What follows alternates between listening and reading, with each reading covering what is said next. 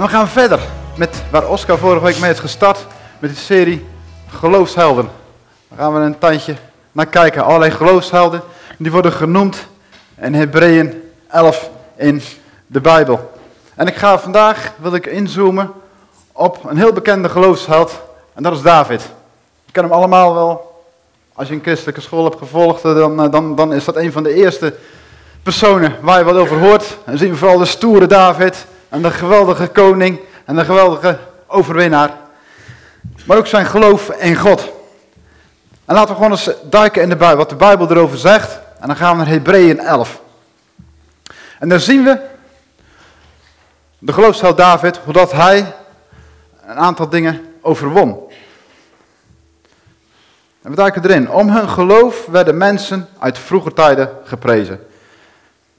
En dan zegt de Bijbel een stukje verder, de tijd ontbreekt me om te vertellen over Gideon en Barak, Simson en Jefta, David en Samuel en over de profeten die door hun geloof koninkrijken overwonnen, gerechtigheid lieten gelden en kregen wat hun beloofd was, die leeuwen de muil toeklemden, aan vuur de laaiende kracht ontnamen en ontkwamen aan de hou van het zwaard, die hun zwakheid krachtig overwonnen, in de oorlog machtige helden werden en vijandelijke regels op de vlucht joegen. Dat zijn heel wat dingen die hier worden gezegd over een aantal geloofshelden. En David, die wordt hier ook in genoemd, eigenlijk ook een relatie met Samuel. En wie is David? Wie is David? En daar heb ik afgelopen week me eens wat verder in verdiept wie David is. Natuurlijk weten we wel het een en ander van hem. Um, maar wat hij is, hij is vooral hij is een zoon van Isaïe. Hij komt gewoon uit een normaal gezin. Hij heeft een heel aantal broers, een vrij groot gezin komt hij ook. En hij was eigenlijk een beetje het kleine, ja, ik zou bijna zeggen het verschoppelingetje, zeg maar, van het gezin. Dat was een beetje, nou ja, oh ja, dat is dat kleine broertje daar nog, David. En David, die was herdersjongen en hij liep ergens op het veld wat schapen te verzorgen. In die tijd was Saul was koning over Israël. En Saul begin, beging een aantal fouten. Saul was uiteindelijk was wel geroepen door God, maar hij beging gewoon een aantal grote fouten. En toen zei God uiteindelijk tegen Samuel, en Samuel was een belangrijke profeet in die tijd. Hij zei, ik wil iemand anders op die plek. Ik wil iemand anders dat hij koning wordt. Een man naar mijn hart. Dus ging Samuel op zoek, op aanwijzing van God. En uiteindelijk komt hij dus bij het gezin van Isaïe terecht. En er worden een heel aantal mensen worden er aan hem voorgesteld. En het eerst valt natuurlijk het oog op de grote, sterke uh, mannen, zeg maar, binnen dat gezin. Maar God zegt, nee, die wil ik niet. En uiteindelijk wordt dus nog dat kleine, nou ja, bijna verschoppelingetje, David, van een groep. Oh ja, die hebben we ook nog. Dus die werd voor Samuel gebracht. En God zei tegen Samuel, die jongen, die wil ik inzetten. Die wil ik hebben. Dat is een man naar mijn hart. En Samuel, zegent deze herdersjongen. En dat is het begin van een enorm mooi plan wat God met deze jongen start. Want met die zalving wordt David, dat jongetje, bekrachtigd met de geest van God. Hij verslaat Goliath, een groot en machtig strijder waar iedereen bang voor was. David verslaat hem met één enkel steentje vanuit een slinger. Hij wordt uiteindelijk legeraanvoerder onder Saul. Maar Saul begaat opnieuw een fout. Hij wordt jaloers op David. Omdat hij merkt dat het volk zegt van Saul heeft de duizenden verslagen. Met David die heeft de tienduizenden verslagen. Dus Saul werd jaloers. En hij zag David een beetje als een gevaar voor zijn koninkrijk. Dus hij ging David vervolgen. En heeft David heeft hij echt jarenlang opgejaagd. En David moest vluchten, grotten, spelonken in. Heeft echt ontberingen geleden. Hij heeft tot twee keer toe de kans gehad in zijn leven om Saul te doden. Hij deed het niet. Alleen dat al is een getuigenis op zich. Uiteindelijk komt Saul om. En wordt David koning. Toen hij koning was, heeft hij een aantal heel belangrijke dingen gedaan. Eigenlijk is hij een soort van grondlegger van Israël geworden. Maar hij heeft er ook voor gezorgd dat de ark van het verbond, dat hij in de stad teruggebracht werd.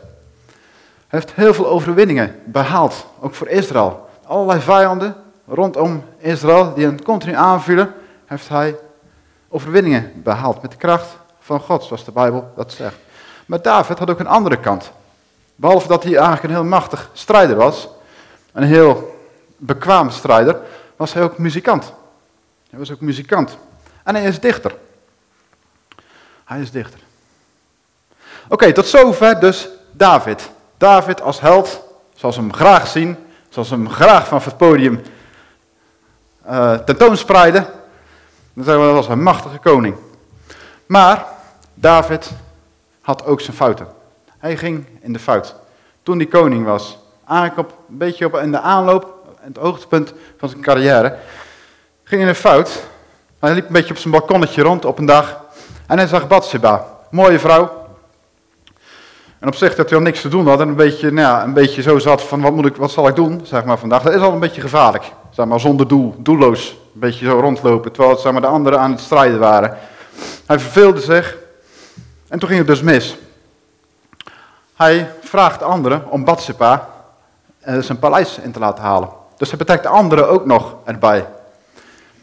En uiteindelijk heeft hij gemeenschap met haar. Hij is niet met haar getrouwd. En zij raakt zwanger. Zij raakt zwanger. Dat is niet volgens Gods plan, zoals dat ging. Daarna ging er nog iets fout. Hij wist dat Bathsheba getrouwd was met Uria. Dus David dacht slim te zijn. Hij stuurde Uria in een oorlog en vervolgens komt Uria om. Dus uiteindelijk is David ook nog mede verantwoordelijk voor de dood van Uria. Dat zijn toch, als je dat zo bekijkt, toch een heel aantal grove misstappen die hij eigenlijk heeft gemaakt. Ook als koning, naast zeg maar dat hij een, een geweldig geld was, echt alle respect verdient, had hij ook gewoon, ja ook gewoon, had hij ook flinke misstappen begaan. Maar toch, als we in de Bijbel lezen, dan staat er letterlijk, wordt David een man genoemd naar Gods hart. Ondanks zijn stommiteiten. Staat in 1 Samuel 13, vers 14. Hij wordt 1100 keer in de Bijbel genoemd. 1100 keer wordt de naam David in de Bijbel genoemd. Er zijn 73 psalmen van Davids hand. Lees de psalmen maar eens door. Er heel veel erboven staan van David. Hoe kan dat? Hoe kan dat? Daarvoor is het goed om in de psalmen te duiken. Ik ben zelf ook, ik hou van kunst schilderen. En zeg maar, in de creativiteit leg je vaak iets van jezelf vast. Dat deed David ook. In die psalmen zien we zijn hart, zijn persoonlijkheid, wat hem bezig hield, hoe dat hij daarmee omging. En we gaan eens naar één psalm toe, en dan gaan we naar psalm 51. En dat spreekt daar precies over waar het toen met Bathsheba misging, maar we zien ook hoe David daarmee omgaat. Hoe David daarmee omgaat. Dat is ook voor ons, denk ik, ook leerzaam. Wat voor misstap je misschien ook maakt. Hier staat wat David schrijft. Wees mij genadig, God, en uw trouw. Je bent vol erbarmen. Doe mijn daden teniet. Was mij schoon van alle schuld. Reinig mij van mijn zonden. Ik ken mijn wandaden. Ik ben mij steeds van mijn zonde bewust tegen u. Tegen u alleen heb ik gezondigd. Ik heb gedaan wat slecht is in uw ogen. Dus wat we hier zien, is dat David oprecht berouw heeft. En dat gaat diep. Als je die psalmen leest, het is niet alleen psalm 51, maar je ziet een heel aantal andere psalmen die dat ook beschrijven. Dus hij vraagt ook vergeving voor zijn zonde aan God. Hij smeekt eigenlijk om vergeving bij God. En wat gebeurt er dan? Dat is een heel mooi principe in Gods koninkrijk. En daarom hebben we Jezus ook allemaal zo nodig. Want wie is er hier zonder zonde? Wie is er hier zonder zonde? Jezus vroeg het al in de Bijbel aan de Farizeeërs.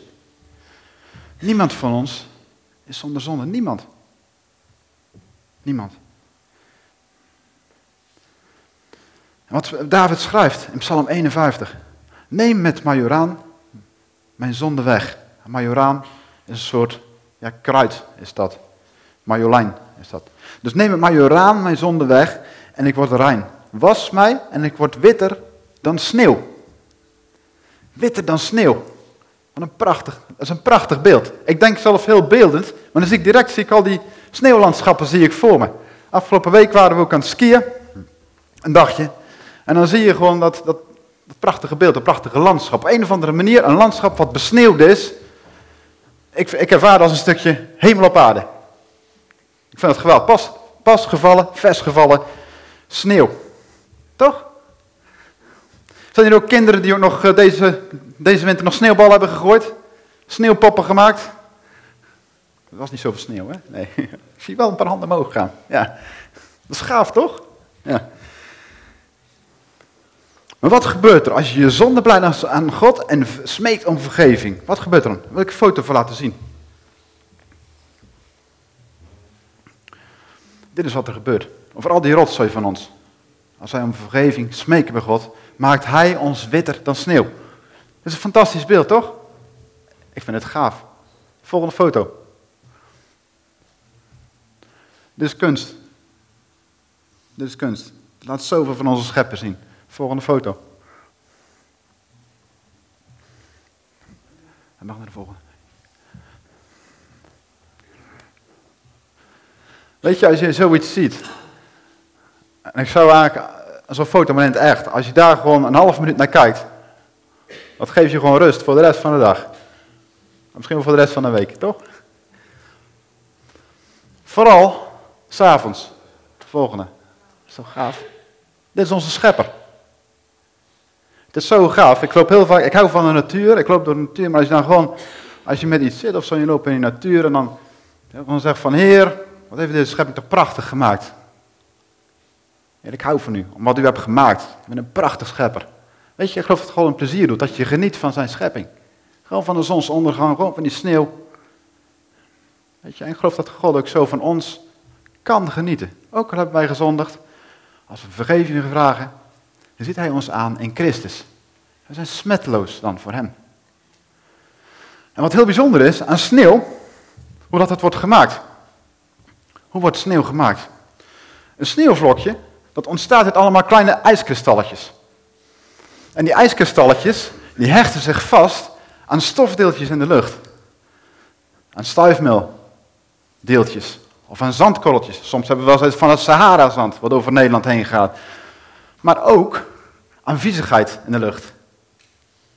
Daar hechten die sneeuw, ijsdeeltjes zich aan vast. Dan ontstaat inderdaad dit, dit beeld. Dit is kunst. Aan elk viezigheidje begint een nieuw sneeuwkorreltje. Het zijn allemaal hele kleine sneeuwmoleculetjes. Dit bestaat uit echt honderdduizenden sneeuwmoleculetjes. Uiteindelijk buigt het zich op volgens een zes, zeshoekig iets. Dat is meestal is dat zo. En wetenschappers zijn er ingedoken hoe ze al, die sneeuwkorrels in elkaar steken. Ze hebben al die sneeuwkorrels, daar kunnen ze met allerlei bijzondere technieken. Daar zie je op internet ook allerlei foto's van. Hebben ze naast elkaar gelegd. En er is nog nooit, zijn er twee dezelfde sneeuwkorrels gevonden. Nog nooit. Allemaal schijnen ze verschillend te zijn. Soms lijken ze, het eerst gezegd, een beetje hetzelfde. Maar als ze erin duiken, dan zien ze allemaal dat elk, elk sneeuwvlokje verschillend is. hier zien we een aantal van die verschillende ijskristalletjes waar de sneeuwvlokjes ontstaan. Maar uiteindelijk zijn het honderdduizenden van dit soort dingetjes die een sneeuwvlok maken. Maar het ontstaat dus ook vanuit viezigheid, stofdeeltjes in de lucht. Afgelopen week was dat nog zo zelfs, kun je nazoeken op internet, had het in Limburg gesneeuwd. Maar het was geen gewone sneeuw. Dat was industriesneeuw. Dat was vanuit het Roergebied, dus al die troep was daar omhoog gegaan, was boven Limburg terechtgekomen. Daar hadden ze zich ijskristalletjes vanwege de kou afgelopen week rondom die stofdeeltjes gevormd. En uiteindelijk is er dus als sneeuw beneden gekomen in Limburg. Heeft een centimeter of drie gesneeuwd.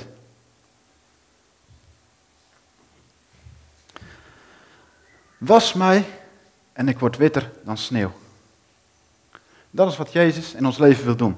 Eigenlijk, je zou het zo kunnen zien, en misschien stel ik het dan een beetje apart of cru, dat elke zonde, en ik zou niet willen uitdagen om te zondigen, maar als je elke zonde, dat God daar uiteindelijk een kunstwerkje van wil en van kan maken. Ja, hij laat alles meewerken ten goede. Echt alles.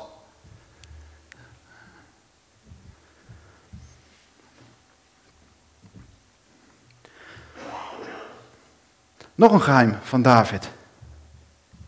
Waardoor die man naar Gods hart was. Psalm 51, vers 12 tot 14. Hij zegt, schep, o God, een zuiver hart in mij. Vernieuw mijn geest, maak mij standvastig. Verban mij niet uit uw nabijheid. Neem uw heilige geest niet van mij weg. Red mij.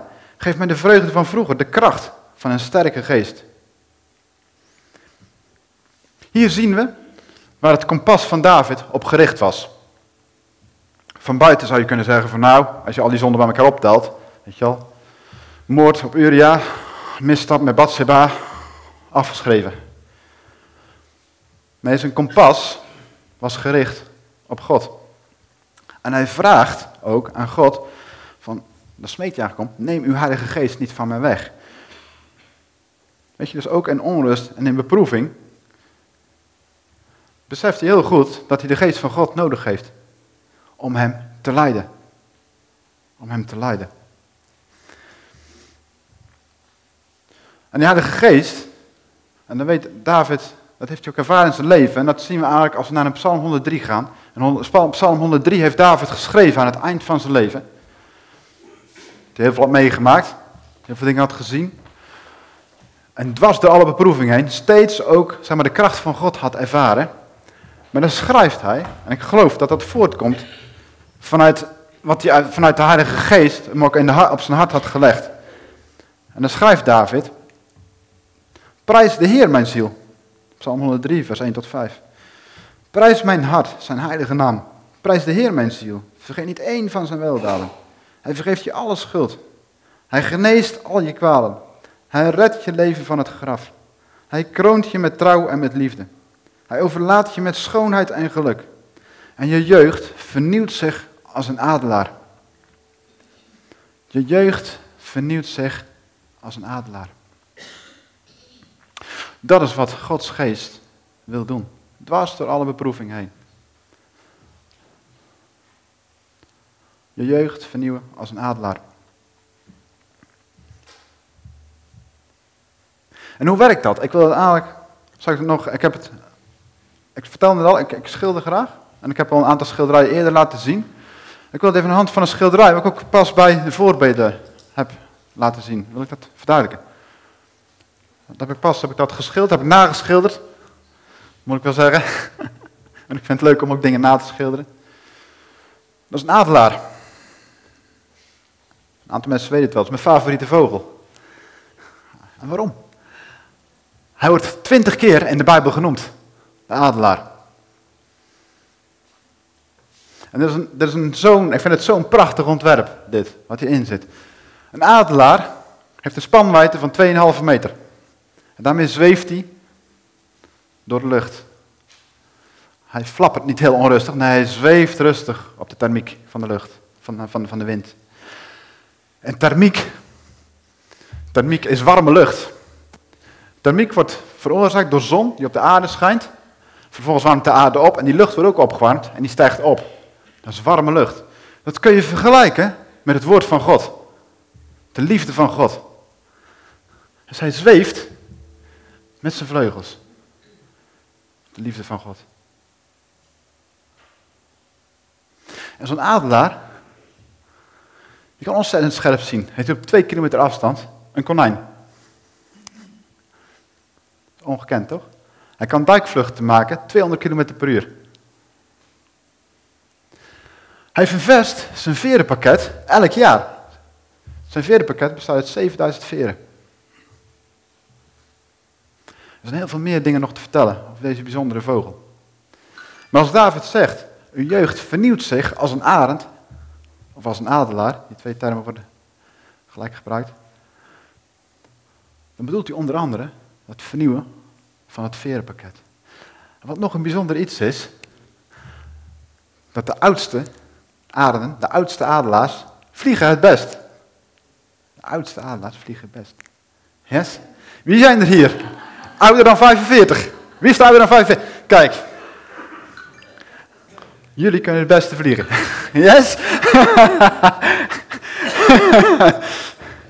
ja.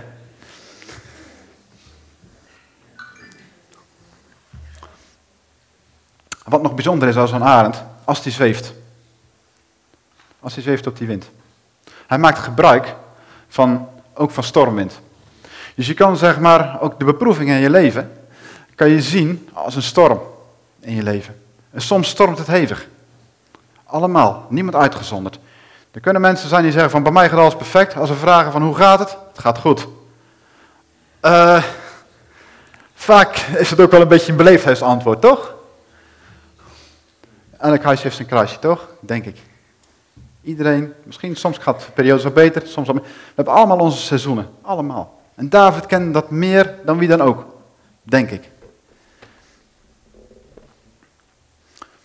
Maar de Bijbel zegt, maar wie hoopt op de Heer, krijgt nieuwe kracht. Hij stijgt op. Als een arend. En weet je, die stormwind, die wordt dan juist gebruikt. Dus je kan het zo zien, op het moment dat je in beproeving zit, op het moment dat je in de storm zit, en je zegt, Heer, ik vertrouw op u, ik hoop op u, dan gaan die vleugels uit. Gaan die vleugels uit. Heer, ik vertrouw op u, ik hoop op u. En dan ga je zweven. Dan ga je zweven. En dus die storm, die werkt niet tegen jou. En dat is Gods waarheid, die werkt juist mee. die storm, laat die adelaar opzweven. Tot boven die storm uit. En dan kom je in een ander perspectief. Dan kom je in Gods perspectief. En dan zie je haarscherp. Net zoals die adelaar. Twee kilometer afstand. Dat konijntje ziet. Zie je vanuit Gods perspectief naar de situatie. Dan geeft hij je wijsheid. Dan geeft hij je inzicht. En inspireert je. Dat is wat God doet. Dat is als David schrijft. Je jeugd vernieuwt zich als een adelaar. Daardoor zullen de poorten van de hel de kerk niet kunnen overweldigen. Omdat dit een geheim is wat God geeft aan ieder van ons. Zoals wij hier zitten. Hier in Connect Kerk.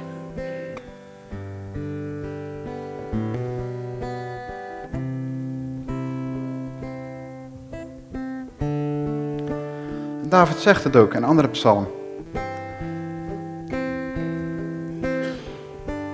Bij u ben ik veilig. Psalm 32. U behoedt mij in de nood en omringt mij met gejuich van bevrijding. dan als laatste, Psalm 37. Leg je leven in de handen van de Heer, schrijft David. Dat zegt hij tegen ons allemaal. Leg je leven in de handen van de Heer. Vertrouw op Hem. Hij zal dit voor je doen. Het recht zal dagen als het morgenlicht. De gerechtigheid zal stralen als de middagzon. En dat gaat gebeuren. Dat kan ik je garanderen. Op basis van het woord van God. De gerechtigheid zal stralen als de middagzon. Waar je ook in zit. Waar je ook erheen gaat. De gerechtigheid zal stralen als de middagzon. Jezus is overwinnaar. Daar schrijft ook. Blijf kalm en wacht op de Heer. Blijf kalm, allemaal, niemand uitgezonderd. Blijf kalm en wacht op de Heer.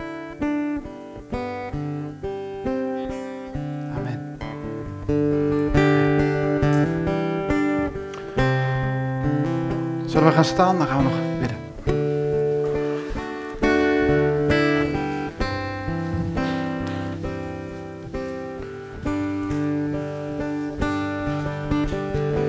you